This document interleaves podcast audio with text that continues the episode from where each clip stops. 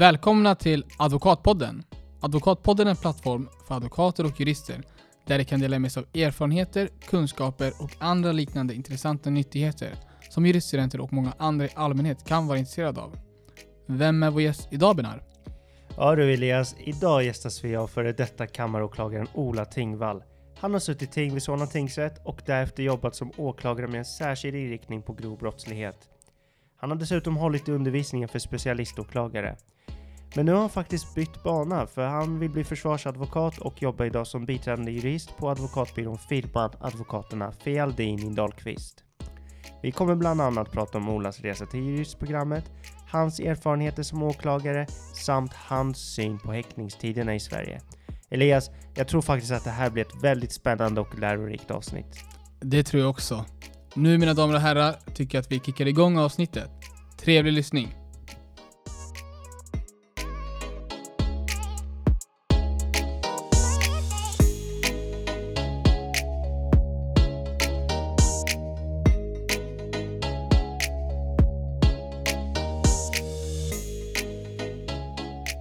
Välkommen till Advokatpodden Ola Tingvall. Tack så mycket. Vad har du gjort idag? Idag har jag ehm, agerat som ombud i ett mål kring LVU och varit och besökt eh, de personerna som jag företräder. Och sen har jag eh, förberett en sammanträde i ett mål om verkställighet av dom i ett vårdnadsmål eh, som ska hållas imorgon. Och så har jag pratat med massa klienter och sen så har jag funderat över vilka frågor jag ska få här. Vad är LVU för någonting? Lag om vård av unga. Och det innebär? Det innebär att myndigheterna under särskilda förutsättningar kan gå in och tvångsomhänderta barn när man anser att det finns en uppenbar risk att de far illa hemma. Till exempel vid våld, eh, vid missbruk i hemmet eller av annan anledning. Man, man liksom gör bedömningen att nu måste vi freda den unga personen här för att inte skada utvecklingen. Då. Och det där ska prövas inom konstens alla regler och så. Och då har man ombud och det är domstolsprocess ofta kring det och så. Du arbetar idag som biträdande jurist på firmans advokatbyrå. Och tidigare så har du varit eh, kammaråklagare inriktning på grov brottslighet. Och då kan jag tänka mig att du har förberett väldigt många mål på olika sätt. Stämmer.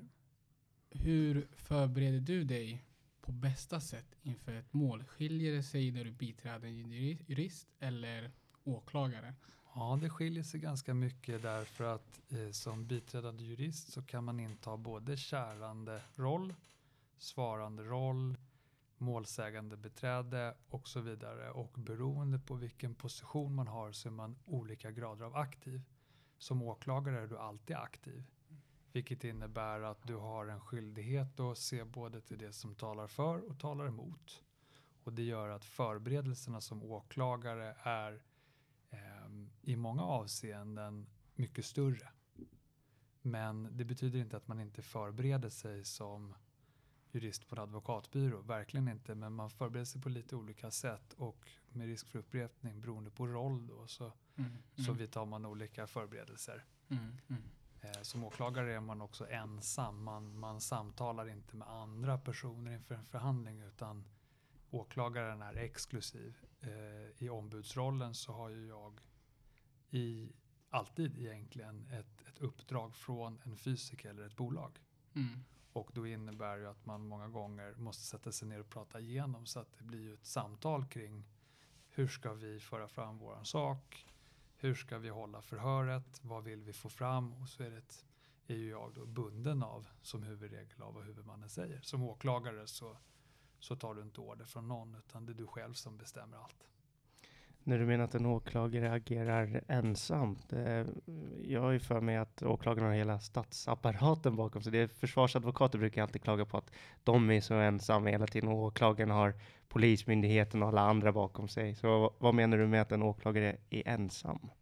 Åklagaren har en ställning inom svensk straffprocessrätt, vilket innebär att inte ens riksåklagaren kan gå in och säga åt vad han eller hon ska göra i det enskilda fallet. Och det betyder att man är extremt självständig. Och eh, som jag sa precis så arbetar man inte tillsammans med någon i domstolen. Det gör man under förundersökningen tillsammans med polis. Då. Men i domstol, och det var det som var frågan, hur förbereder man sig inför en förhandling? Då, då är svaret att det gör du på egen hand. Och eh, det är ganska rigorösa förberedelser. Sen är det klart, en erkänd stöld på Åhléns tar inte jättelång tid att läsa in. Nej, just det. Oavsett vilken sida man är på så att säga. Mm. Ja, ska vi backa tillbaka lite och prata om din resa till juristprogrammet och eh, vad som fick dig att börja studera just juridik då? Mm.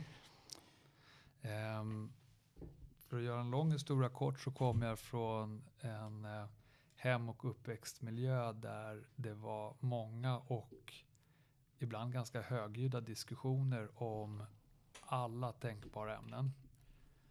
Och eh, i den kontexten så fick man inta vilken position man ville, så minns jag det i alla fall. Men när man väl hade gjort det, då förväntades man kunna försvara och argumentera för varför man hade tagit ställning. Vad var det ni diskuterade? Det kunde vara allt från om man skulle få äta lunch hemma istället för i skolmatsalen till eh, vilket politiskt parti man eh, ansåg skulle leda Sverige.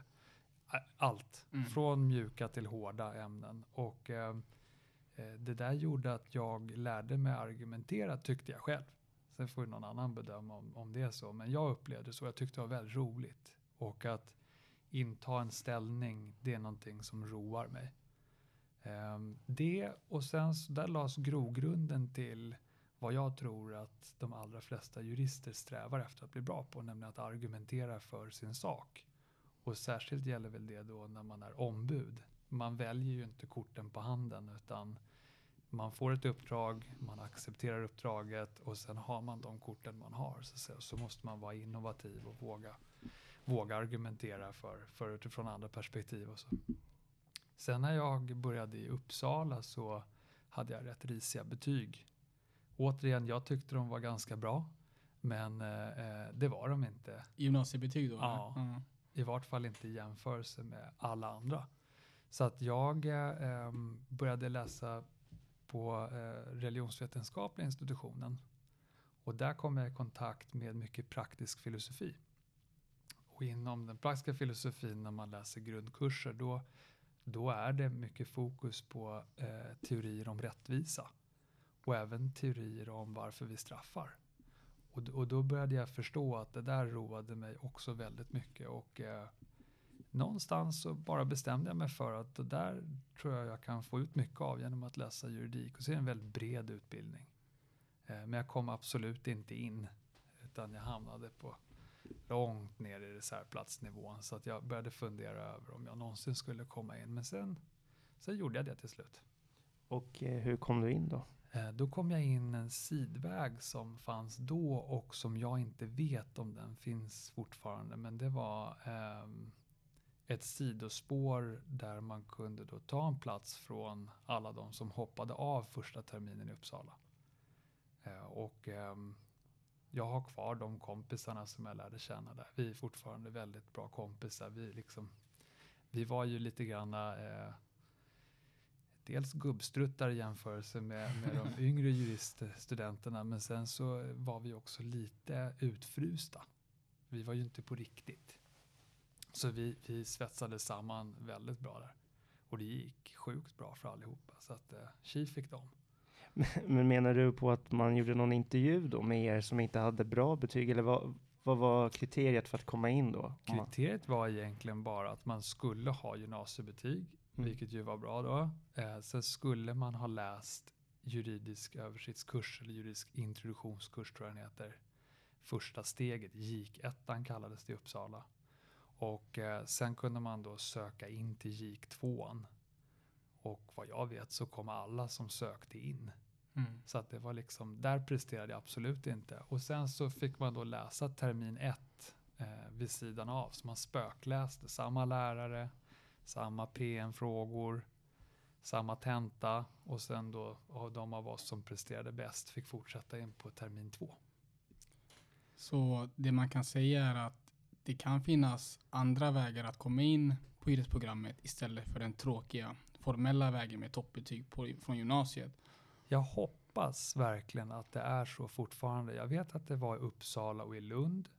Jag vet inte om det är kvar idag, men det var i vart fall till väldigt nyligen gällde det också. Men jag har, jag har inte kollat upp det inför, eh, inför idag. Så att det är ingen, jag kan inte ta gift på det. Men jag tycker själv att det är väldigt bra att det finns olika vägar in. Ja, men precis. Och eh, till alla unga som lyssnar, gör eran research. För det kan ju ta en Ola-väg och Ja. bara hoppa in på något Ja, sätt. Lex Ola kan vi kalla det. Nej men det är ju som du och jag Elias också, vi hade inte heller bra betyg. Nej, Jag hade inga betyg i alla fall som jag kunde skryta med, utan det var Nej, i högskoleprovet då. precis. Precis. Jag hade inte heller toppbetyg. Men man får ta helt en, enkelt en lex Ola Mm. och hitta en väg in. Men jag tänker att när du väl var inne på programmet så fick du ganska bra betyg för att eh, du blev sen åklagare. Ja, jo men det gick bra. Ja. Och det är ofta så när man tycker någonting är roligt. Ja, Sen var ju inte alla terminer, det finns väl ingen som tycker att alla terminer på ens utbildning var lika roliga. Mm. Så jag, jag förstår inte hur, hur jag kunde ta mig igenom vissa grejer, men det gör Mm. man ju till slut. Man, man får bita ihop. Eh, och det gick jättebra. Men vad fick dig att just vilja bli åklagare? Det var, dels så hade vi på termin fyra då i Uppsala, där man läste, då i alla fall, jag tror det är likadant idag, straff och processrätt. Så hade vi i våran grupp en åklagare som lärare, alltså som hade tjänstledigt från, från sin tjänst som kammaråklagare. Han var extremt inspirerande. Eh, och eh, han berättade ganska mycket från det praktiska livet. Vad, hur skulle en åklagare ha gjort den här bedömningen? Hur tänker en åklagare i den här situationen? Och där fick jag väl lite, lite, lite dels förståelse för vad det skulle kunna innebära och sen blev jag framförallt nyfiken på, på resten. Då. Sen när jag började på domstol som tingsnotarie så hade Västerorts åklagarkammare ett gäng riktigt grymma och framförallt sociala åklagare. Och det fanns en, ett litet café slash restaurang som vi kallar för hålet i väggen. Och på den tiden delade åklagare och domstol, de satt på olika våningar i samma byggnad och det gjorde att man ofta var där och ryckte en macka samtidigt som en åklagare. Och då kom jag i kontakt med chefsåklagaren på eh, Västerorts åklagarkammare som helt enkelt frågade mig om inte jag ville söka mig till åklagare och då blev jag så jävla smickrad så att eh, Ja. då gjorde jag det. Så det finns ingen ideologisk grund för det här. Prästen eh, hävdar ju ofta att han liksom föddes med ett kall. Jag har inget kall att vara någonting. Nej. Det var smicker som det var, att... jag föll för spicket. och så låg det i linje med vad jag såg som tingsnotarie. Det är ju, när man sitter i domstol så ser man ju bara slutspelet i åklagarens processföring, nämligen vad man gör i, i domstol. Det allra, allra mesta arbetet är ju backoffice. Det ser man inte som varken domstolsanställd eller försvarsadvokat eller målsägandebiträde. Men det jag såg i rättssalen, det gjorde att jag fick uppfattningen att det där kan nog passa mig ganska bra. Mm. Och det visade sig att det gjorde det. När du tänkte att eh, det där kunde passa dig ganska bra och när du fick förfrågan av den andra åklagaren att arbeta. Vad hade du för förväntningar på åklagaryrket och motsvarade dina förväntningar yrket? Jag kan, jag kan vända på det och säga så här, eftersom att jag inte visste vad man kunde förvänta sig Mm. så motsvarade det de små förväntningarna jag hade. Eh, jag tog upp alldeles nyss då att när man sitter som notarie eller domare eller försvarsadvokat eh, för all del så, så ser man bara en slutprodukt. Skådespeleriet i domstolen. Man vet inte och har ingen insyn egentligen i förundersökningsarbetet. Så av den anledningen så är det svårt att veta vad det är man kritar på. Liksom. Och det får man veta när man blir åklagaraspirant, men innan det är det svårt att ha någon egentlig uppfattning. Mm. Sen kan man alltid fråga och läsa, och, men, men det blir liksom mer teoretiskt. Att, att uppleva att vara åklagare, det är någonting helt annat. Men det, det var otroligt roligt. Jag tror att eh, det finns ett par lyssnare, eller kanske flera, som inte heller har så bra koll på vad en åklagare är. Skulle du kunna förklara vad är en åklagare och vad gör en åklagare i sitt yrke? Åklagaren är den jurist, för det är bara jurister som kan bli åklagare. De måste dessutom vara tingsmeriterade. Som för statens talan i brottmål. Det är den korta definitionen av det. Och eh, det åklagaren gör det är att driva förundersökning, ta beslut i åtalsfrågan och uppträda som part i domstol.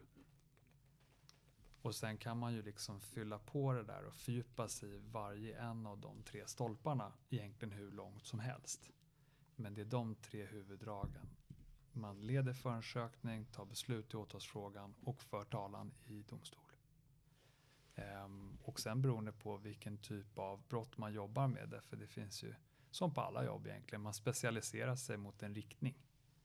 Ehm, så kan man göra mer av det ena eller det andra. Sitter man på en mängdbrottstjänst med stöld, eh, misshandel, alla de förundersökningar som leds av polis och sen kommer som en materia till åklagaren som tar beslut om ska jag väcka åtal, ska jag åtalsunderlåta, ska vi komplettera, vad det nu kan vara. Eh, de personer som sitter på en sån tjänst, de går ju rätten väldigt, väldigt mycket därför de förundersökningsleder inte. Sitter du på ett, en grova brottsavdelning däremot, då ligger den absoluta tonvikten på förundersökningsledning. Så, eh, och sen blir det en, en, längre förhandling istället. Så beroende på vad man sitter på för tjänst. Mm. Och man, man eh, alternerar och går runt så att man lär sig alla typer av brott. Men du satt på, om jag har uppfattat det korrekt, på grov brott, brottslighet eller? Ja, det gjorde jag ja. den huvudsakliga delen av min tid som åklagare. Okej, okay, och vad, hur var en arbetsvecka då? En arbetsvecka eh, bestod av väldigt många samtal och skrivelser till polis. Där det är ju åklagaren som bestämmer hela tiden vilken riktning ska vi ta nu? Behöver vi undersöka den vägen, höra det vittnet på nytt? Är man nöjd med materian liksom till nästa steg? Ehm, men det sker, det är klart att man lyssnar oerhört mycket på poliserna också därför de är så pass erfarna och, eh, och duktiga. Så att om man lyckas väl som förundersökningsledare då finns det inte så mycket hierarki. Utan då vill alla åt samma håll men, men polisen vet vem som bestämmer. Så i en vanlig vecka då var en stor del handlade om att ta ställning till, och det är egentligen det analytiska arbetet, vad gör vi nu? Eh, sen så går alla åklagare i rätten varje vecka. Mm. Och då delar man på det som kallas för gråting och det är de som rymmer mängdbrotten. Alla brott där polisen var förundersökningsledare så att då pratar vi lite enklare brottslighet. Förhandlingen pågår sällan mer än två timmar. Det kanske inte är så många komplexa rättsfrågor utan det är vardagsbrottslighet. Mm. De delar alla åklagare på, vilket gör att man går i rätten i vart fall två, en till två dagar i veckan som åklagare, alltid.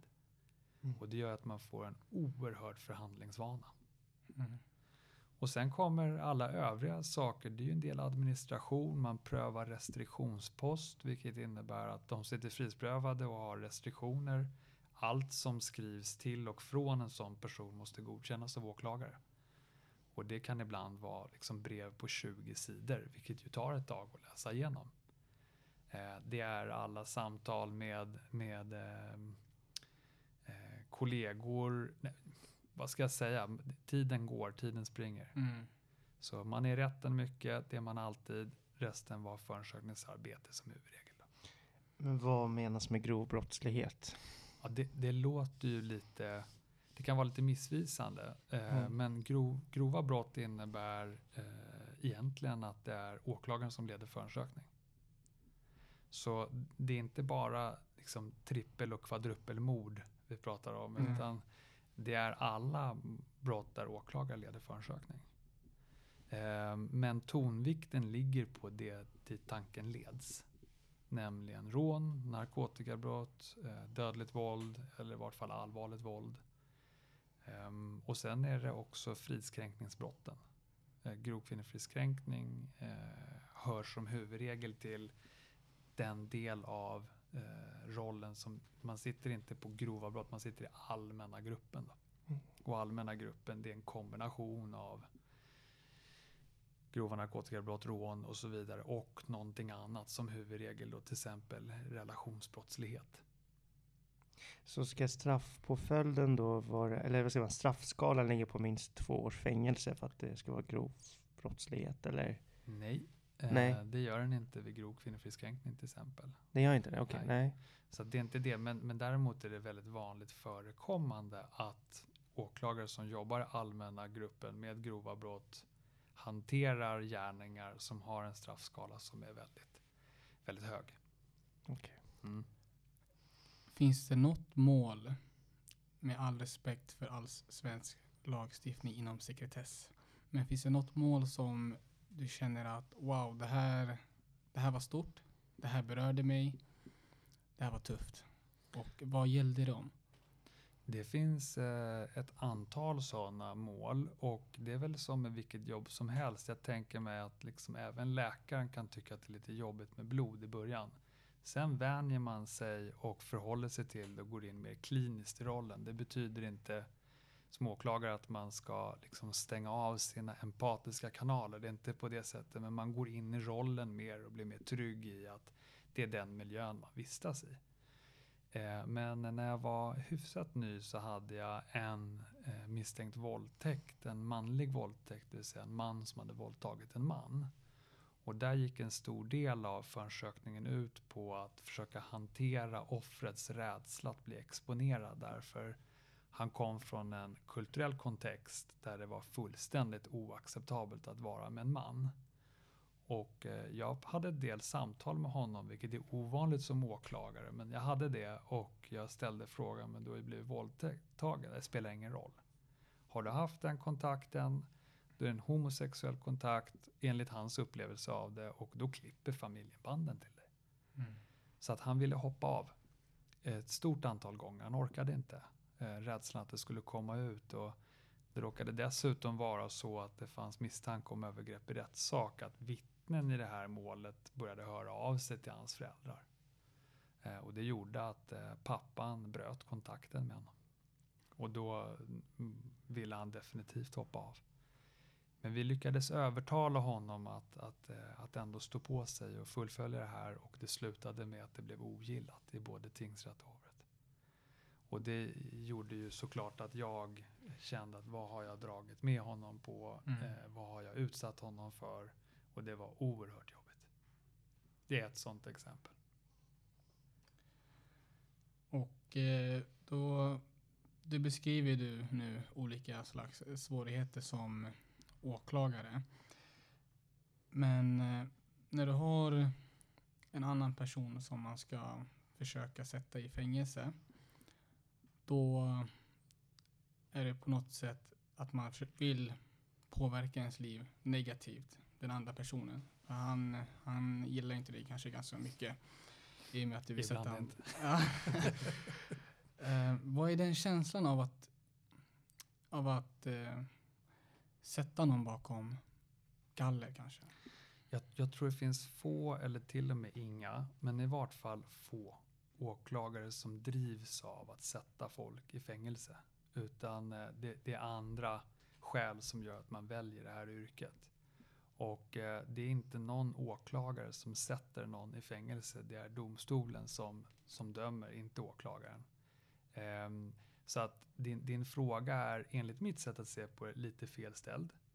Men jag förstår vad du menar för någonting och då kan jag tala för mig själv då att ehm, den insikten om att det du gör får eller kan få ohygglig påverkan från en annan persons liv gjorde att jag i vart fall så långt det var möjligt försökte att upprätthålla så mycket objektivitet och även eh, vinnlägga mig om att inte ha för hårda restriktioner, inte neka den här nödvändiga kontakten när man sitter inlåst eh, och så vidare. Därför det var vad jag fick lära mig av de äldre åklagare som jag litade och såg upp på. Och det kändes väldigt bra i magen och har man gjort det så långt man någonsin har kunnat utan att för den sakens skull göra för mycket, för det får man ju inte göra. Men har du gjort vad du har kunnat och vad jag upplever att vi förväntas göra, då tycker jag inte att ett fängelsestraff eller inte ett fängelsestraff eller fängelsestraffets längd kan få mig att må dåligt. Det, eh, det, det har jag aldrig upplevt. och med risk för upprepning, i slutändan är det inte åklagaren utan det är domstolen som, som dömer eh, ut påföljden. Ja, jag instämmer helt. Jag tänkte mest bara utifrån den misstänktes perspektiv Ja. så kan han ju se liksom att ja, han där borta, han vill sätta dit mig och det är Mm. liksom det, det man kanske då blir arg på i, i Det rättssalen. händer. Det händer. Men det, man kan ju vända på steken också. Vi- Vissa, eller offret eller målsägande kan ju bli arg på försvarsadvokaten för de menar på att det är tack vare försvarsadvokaten Precis. som eh, den eh, misstänkte tilltalade har blivit frikänd. Men Precis, i slutändan är det ju domaren som, som precis, bestämmer. precis. Så ni får bjuda in en domare hit och så, så ställer du samma fråga till honom eller henne. Ja, det är några domare som följer oss på Ja. Twitter. Så Ja. vi hoppas jag att tycker kanske absolut det med. ska, vore intressant att höra en domare också i er podd. Ja. Ja. ja. Absolut. Men gällande hotbilden då, det tråkiga då. Eh, hur ser den ut för eh, åklagare? Liksom? Eh, den har tyvärr blivit högre. Så Mm. det vill säga det är fler som upplever i vart fall att de är utsatta för antingen eh, hot som är straffrättsligt relevanta eller i vart fall otillbörlig påverkan. Så att man trakasserar sönder, man kanske ligger precis på gränsen, ofredande egentligen. Mm. Eh, I rättssalen och framförallt utanför rättssalen att det liksom kan upplevas som väldigt fientligt ibland. Framförallt då kring vissa typer av brott, ungdomsbrottslighet där det, de ofta med sig eller inte har med sig, många kompisar dyker upp till förhandlingarna och sådär. Um, sen, jag har själv aldrig blivit utsatt för hot. Jag har aldrig blivit utsatt för vad jag upplever är en otillbörlig påverkan. Ehm, så att jag har haft tur tror jag. Därför jag, jag tror inte att det är så att det bara är ens eget beteende som påverkar huruvida man utsätts för hot eller, eller annan otillbörlig utan det, det är oturen att du kommer i kontakt med individer som, som är gränslösa. Ehm, Men det, det pratas jättemycket om hur man hanterar det som åklagare. Det finns en massiv säkerhetsapparat runt hela tiden. De allra flesta åklagare väljer att ansöka om och beviljas också hemlig identitet. Vilket gör att det försvårar att söka upp och har man högprofilerade mål med, med kanske systemhotande individer, man ser det att de här personerna har gett sig på tidigare eller då, då ser man alltid till att ha två åklagare eh, så att man kan liksom växla häktningar så att inte personen riskerar mållåsa på bara en.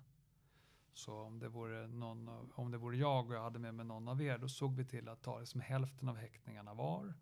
I domstol såg vi till att vara två, så att det inte går att rikta energin mot en, en individ.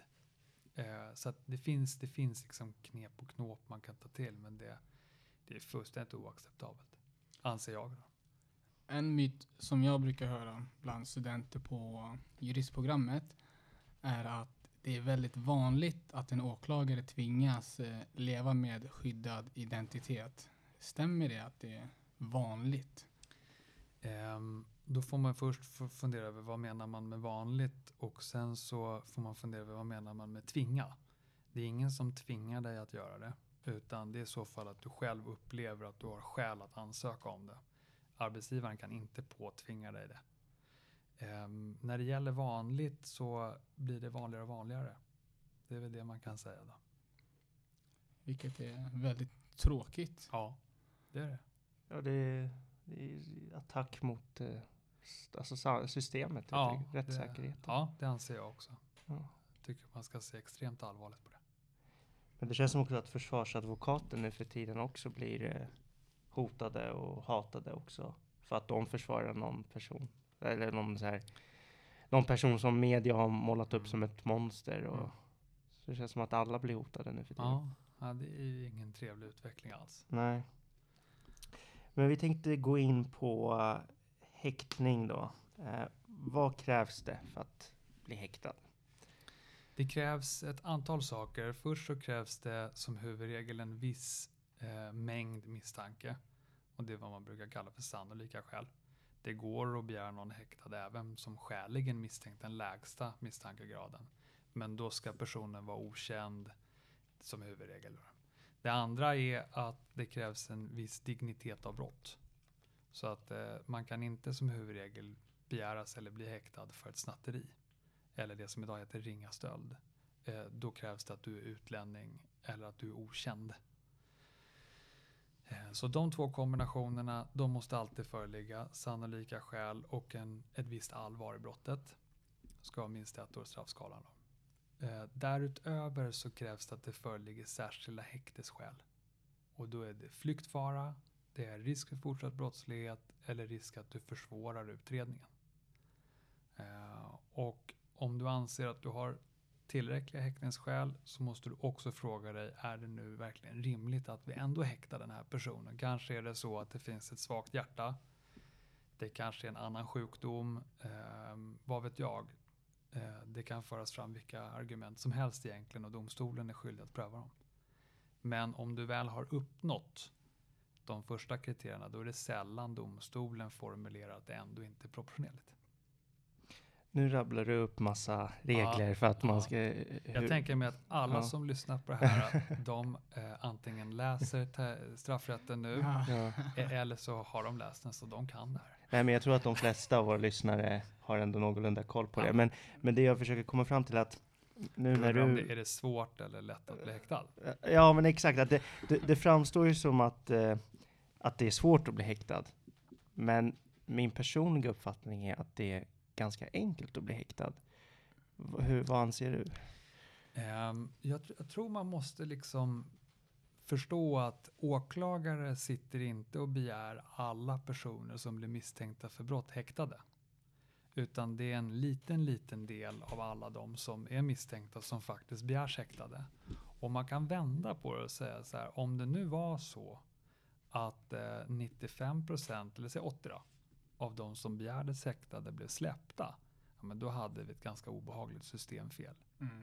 Så med de ingångsvärdena, ja, eh, det är ganska lätt att bli häktad därför att om du nu begärs häktad, då har du kvalificerat dig till den grupp av individer där åklagare generellt sett skulle hålla med om att nu, nu är det faktiskt påkallat med häktning.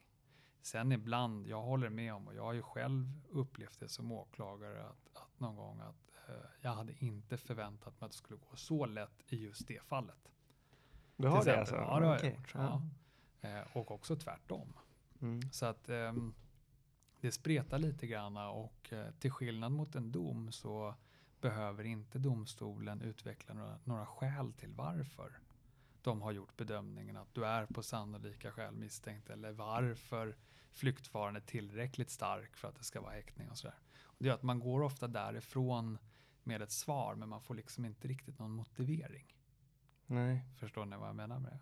Det går inte heller att begära ut någon slags motivering. Nej, det gör det inte. Så att om du vill klaga på ett beslut i hovrätten, det blir, det blir nästan som att liksom skjuta prick med ett öga. Det, man vet inte eh, varför alltid personen har blivit frisläppt eller är kvar i häktet.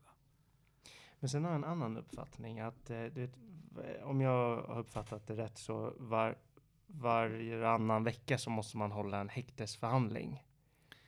Det är inte, inte riktigt eh, sant. Nej. Nu försöker inte jag mästra dig här. Nej, Nej du, du Men är proffset här. ja, men eftersom att du ändå, ändå liksom, Ja. jag kan ju eh, försöka ge en lite annan bild då. Mm. När du begär någon häktad så ska du också begära en viss tid som personen ska vara häktad. Mm. Och eh, domstolen kommer att pröva om den tiden framstår som rimlig. Ibland är det en vecka, ibland är det två veckor, ibland är det fyra veckor. Mm. Beroende på vad det är för brott. Så att har du till exempel ett stort polistillslag eh, där du har tagit tre personer och du hittar 50 kilo marijuana och 50 kilo amfetamin och 20 kilo kokain. Ja. Då förstår alla och en var att här kommer inte en vecka räcka. Nej. Så att då begär åklagaren ofta inledningsvis en månad och det brukar sällan vara några problem och försvaret förhåller sig ofta till det då. Därför att att påkalla en omhäktesförhandling skulle säga vara ett slag i luften. Och det enda du gör är att du dunkar in ännu mer sannolika skäl. Men sen tänkte jag också när det är nästa häktesförhandling då. Mm. Blir det ännu svårare då att, eller vad säger man, hur ska man säga det? Blir det enklare då att stanna kvar på häktet? Det blir I åklagaren att man är redan är häktad. Beroende på vems, vilken roll man företräder här nu då. Mm. Ehm, utifrån ett försvararperspektiv så har du att förvänta dig att åklagaren har drivit förundersökningen framåt mellan varje tillfälle. Mm. Och står förundersökningen still, ja, men då kan du ju ifrågasätta förundersökningen på den grunden. Varför händer det ingenting? Om det dessutom är så att åklagaren har sagt att om en vecka, då har vi det här resultatet. Och så kommer du till förhandlingar och det finns inget resultat. Då är det klart att gör du så två, tre gånger, då kommer domstolen att säga nu får det räcka. Vi släpper ut. Har det hänt dig? Nej, det har inte hänt mig. Ehm, tack gode gud för det, för det är lite, det är lite pinsamt. Ja. För Mhm. åklagaren kan ju inte liksom ta hästen ner till Linköping och säga nu vill jag att ni prioriterar det här ärendet. Utan vi ljug, åklagare ljuger ju inte när de säger jag har fått uppgift om att resultatet ska komma nästa vecka. Det vore ju att begå självmord. Eh, Men, men ibla- ibland kommer det inte. Och då är det åklagaren som får ta smällen. Ja. Och så ska det vara. Gällande Sveriges häktningstider. Jag ska säga lite statistik Mm. innan vi går in på det. Mm. Men Sverige har kritiserats starkt för att ha långa häktningstider, ofta mycket långa. Av alla EU-länder så är det fyra stycken som inte har någon maxgräns för sin häktningstid. Sverige är ett av dem. Ekobrottsmyndigheten eh, hade sagt även att, eller hade kommit med statistik, att just ekobrottsmisstänkta hade snittet år 2016, då var häktningstiden i snitt 60 dagar.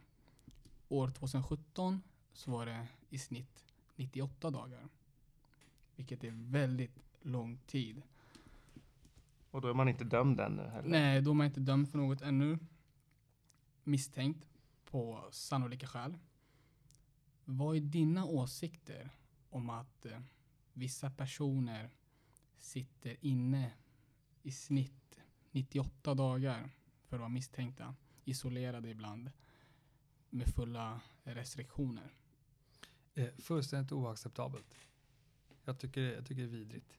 Och det har jag alltid tyckt. Eh, oavsett om jag har varit i den här rollen eller om jag var åklagare eller när jag var juriststudent. Det spelar ingen roll. Jag tycker det, jag tycker det är vidrigt. Och eh, det finns ett antal grundproblem. För det första, det finns en maxgräns för hur länge man kan vara häktad. Det är nämligen när brottet preskriberas. Men är du häktad för mord, då preskriberas aldrig brottet. Så, så i, det, i det perspektivet har du ju rätt när det gäller något eller ett par brott.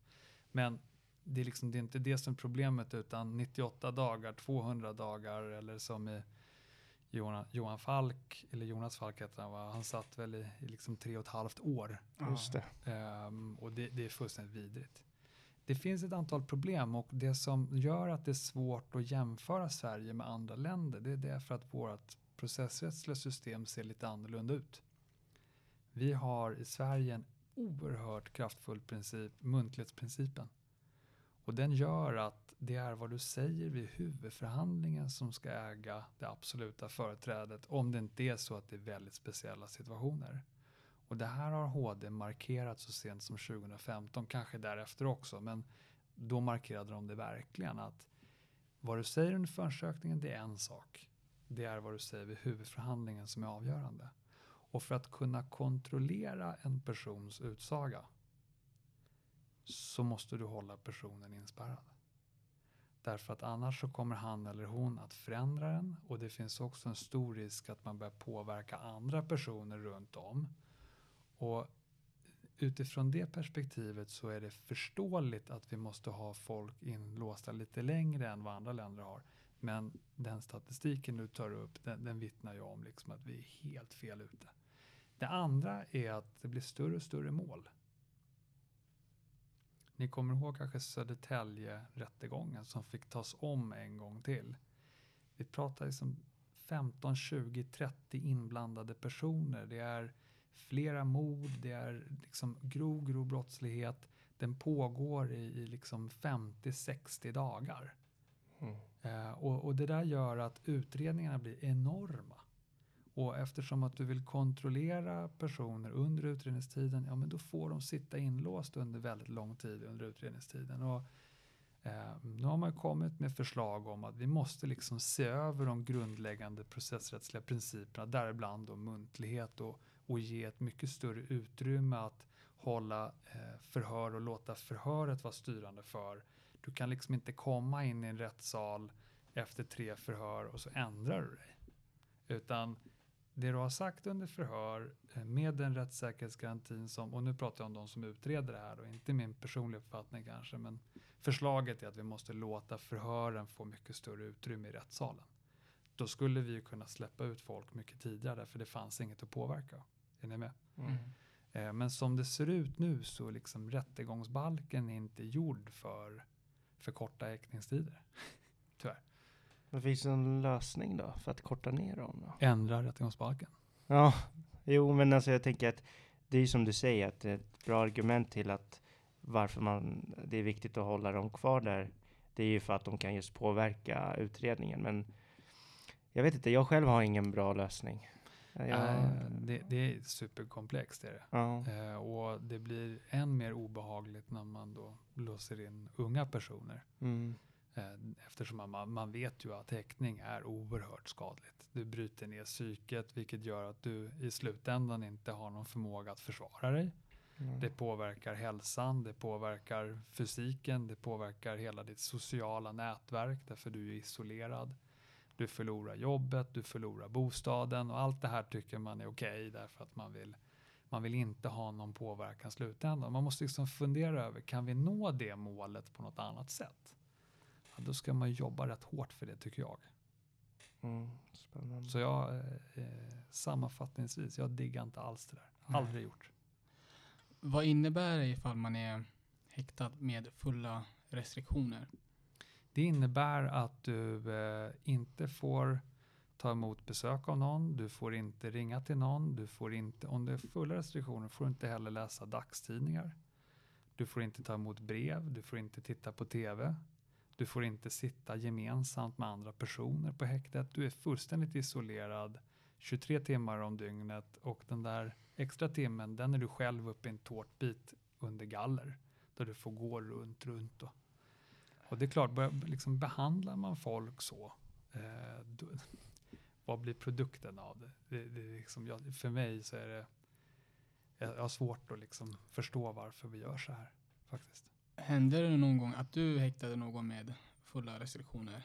Ja, domstolen häktade någon som jag begärde häktade. Ja, just Mm. det. Ja, många gånger. Sen, sen går man sällan så långt eh, under en hel häktestid att man har, eh, inte får läsa dagstidningar. Eh, utan det släpper man på allt eftersom och man tillåter kontrollerade besök allt eftersom, kontrollerade samtal och lättar mer och mer på restriktioner därför att ju längre förundersökningen går desto svårare blir det att påverka den. Mm. Och då, då blir det ju märkligt att ha samma restriktionstryck i slutet av en förundersökning som i början. Men, men det finns också en annan, en annan liksom filosofisk aspekt av det här. Det är ju att i början av en förundersökning då är ju misstanken som allra svagast. Eller? Mm. Och det är då vi behandlar de intagna som allra sämst. Mm. Och den har också lite svårt att, att greppa. Jag har fortfarande inte kommit fram till. Liksom. Nej, det där var djupt faktiskt. Ja. Ja, Ja, nej, det sorry. där- Det var för djupt. Ja, det- nej, men det där var, det var bra faktiskt. Ja. Quote. Bra. Quote. Ola ja. Ting. Ja, quote. Lex Tingvall. Men eh, du eh, har bytt bana helt och hållet nu. Du har ju lämnat eh, åklagaryrket. Hur kommer det sig? Eh, Det kommer sig av att jag kände mig nöjd. Jag hade fått pröva på de brottstyper som jag var fascinerad av och fortfarande är fascinerad av. Jag hade fått um, processa i överrätt på ett sätt som gjorde att jag liksom i vart fall blev inte livrädd när jag gick dit längre. Eh, jag hade jobbat ihop med väldigt massa häftiga poliser och åklagarkollegor och såg inte riktigt vad är nästa liksom steg i, i utvecklingen. Eh, och jag upplevde att eh, om jag inte gör något annat nu, då kommer jag nog bli lite för bekväm. Mm. Och sen har jag alltid som sagt haft en svår fascination för att argumentera och om det är någonting som du kanske gör ännu mer av som försvarsadvokat så är det att argumentera. Vrida, vända och bryta ner. Så nu har jag byggt upp sandslottet i tio år, nu vill jag bryta ner. Ja, för nu jobbar ju du som Elias sa i början då på advokatbyrån, eh, firman, eh, nu vet jag inte om jag uttalar det här korrekt, men Filadin och Dahlqvist. Fialdini Dahlqvist. Fialdin Dahlqvist. Eh, och eh, du strävar efter att bli nu försvarsadvokat. Ja, Eh, vad, vad tror du att du kommer ha för nytta som försvarsadvokat då?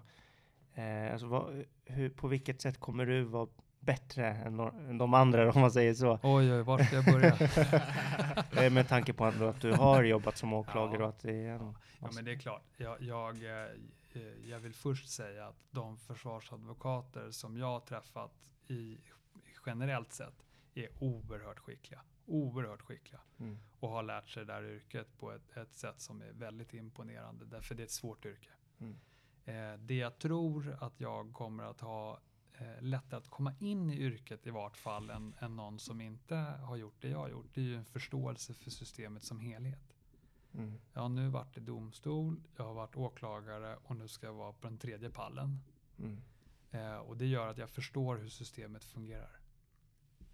Sen så är det ju så att eftersom att man har så våldsamt mycket förhandlingar som åklagare. Jag, jag räknade inför den här eh, lilla poddstunden här och kom fram till att jag haft någonstans mellan 3 500 och 4 000 förhandlingar. Oj. Wow, Och, och då blir många timmar. Ja, det är många timmar. Eh, och då, är, då sticker inte jag ut, utan har man jobbat så länge som jag gjorde, då ligger man där ungefär. Mm. Eh, med varierad komplexitet såklart. Men det gör att jag har stött på väldigt, väldigt många invändningar från försvarsadvokater. Mm, Just det. Eh, Mm. och eftersom att jag började bli väldigt intresserad av att liksom ska jag göra en switch här för det är någon två, tre år sedan, tre år sedan kanske, så började jag ju lyssna mer aktivt på de som jag ansåg var de skickligaste försvarsadvokaterna. Och har ju mött då alla, alla tänkbara egentligen eh, invändningar. Sen finns det ingen begränsning, du kan göra vilken invändning du vill, men jag har i vart fall hört väldigt många. Och det har väl gjort att jag liksom också har förstått vad, vad är det som tilltalar rätten. Både som åklagare men också utifrån ett försvarperspektiv. Därför jag ser ju vilka som, som skiljer ut sig och får mer frikännande domar än vad, än vad andra får. Så man kan säga minst sagt att du är ingen färsking nu, utan du, du är van att processa. Jag är van att processa. Sen Mm. är jag färsking eh, på den här sidan. Men, Mm. men man får inte glömma heller att som åklagare jobbar du ju hela tiden mot försvaret och tvingas förhålla dig till de regler som försvarare är bundna av, nämligen de advokatetiska reglerna Mm. och får ju en förståelse för vad innebär yrket. Även om du inte praktiserar det så, så förstår du det mer än vad en civilist skulle göra i vart fall. Mm. Eh, och det, gör- det gör att man tränar även om man inte jobbar på något sätt. Tror du att du kommer byta bana igen då, eller är försvarsadvokatyrket det sista du kommer hålla på med tills du blir Domare. ja, Ja, domare kanske? Ja, ska aldrig säga aldrig. Nu är det bara det här som gäller. Mm. Ja.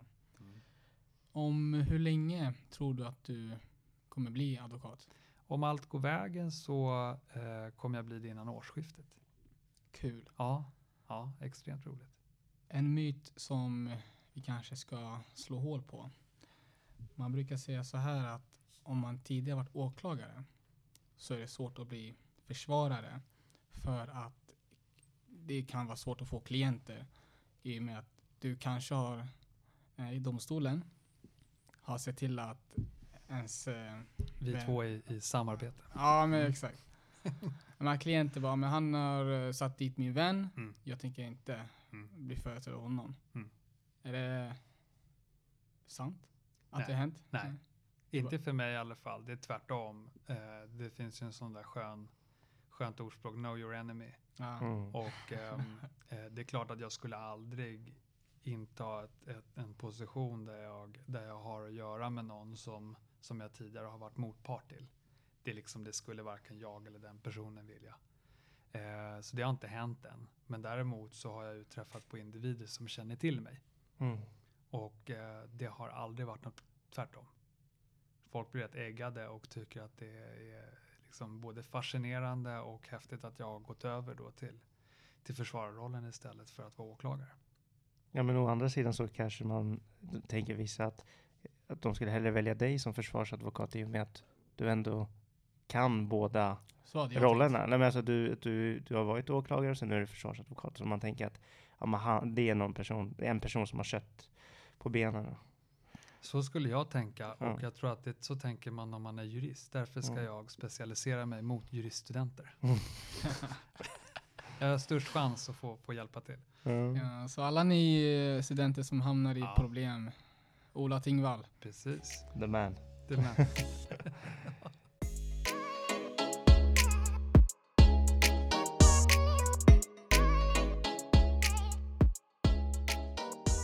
ja, nu går vi mot eh, avsnittets avslut där jag ska ställa Ola tre snabba och intressanta frågeställningar. Vad hade du blivit, eller velat bli, om du inte blev jurist? Då hade jag gärna hållit på med hundar. Jag älskar hundar. Har du hund? Eh, nej, men eh, min kära sambo har nästlat sig in i ett ungt par som precis köpt en valp Mm. Och erbjöd omedelbart att vi kunde hjälpa till att ta hand om den. Och sen har vi en hund i hus också så att vi får vår beskärda del. Jag tycker väldigt mycket om hundar. Ditt bästa tips till framtida åklagare? Var ödmjuk och inse att den makt du sitter på ska omsättas i någonting bra. Och ehm, visa nåd. Sveriges bästa åklagare, enligt din uppfattning, Nuvarande eller för detta? som du känner? För detta? Nej, Ja. jag skojar bara. Eh, Sveriges bästa åklagare, då anser jag att det är Leif Appelgren, min eh, eh, fina vän och mycket, mycket skickliga och ödmjuka åklagare. Västerorts åklagarkammare, Stockholm. Shoutout till eh, Leif Appelgren då. Mm. Ja, hoppas han lyssnar på podden. Ja, Det ska jag se till att han gör. på honom. Ja. Ja. Eh, jo, nej men eh, Ola, tack för att du kom. Stort tack för att jag fick komma hit. Det var jätteroligt. Och eh, om man vill komma i kontakt med dig? Då ringer man till vårt eh, telefonnummer. Man går in på vår hemsida som heter advfirman.se och där har man alla nummer. Men det är 611 65 50 för den som vill veta det. Och sen frågar man efter Ola i första hand och eh, annars tar man den man får. Grymt. Bra att veta. Okej. Tack. Tack Stort för att du kom. tack. Tack för att, tack för att du kom.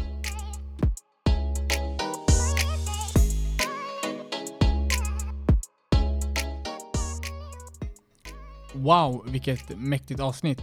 Vi på Advokatpodden vill rikta ett stort tack till Ola Tingvall för sitt deltagande. Ifall ni gillade avsnittet och tycker att det på något sätt var intressant, följ oss gärna på sociala medier för att inte missa när nästa avsnitt släpps. Benar, hur kan eh, folket hitta oss? Ja, när vi pratar om sociala medier, då menar vi Facebook och Instagram och ni hittar oss under namnet Advokatpodden. Fortsätt gärna att sprida podcasten till familj och vänner som kan gilla det vi skapar här på Advokatpodden. Ifall du som advokat eller jurist vill delta på Advokatpodden är du välkommen att skriva till oss på Instagram eller skicka iväg ett mejl till advokatpodden gmail.com. Tack för att du lyssnade och vi hörs snart igen.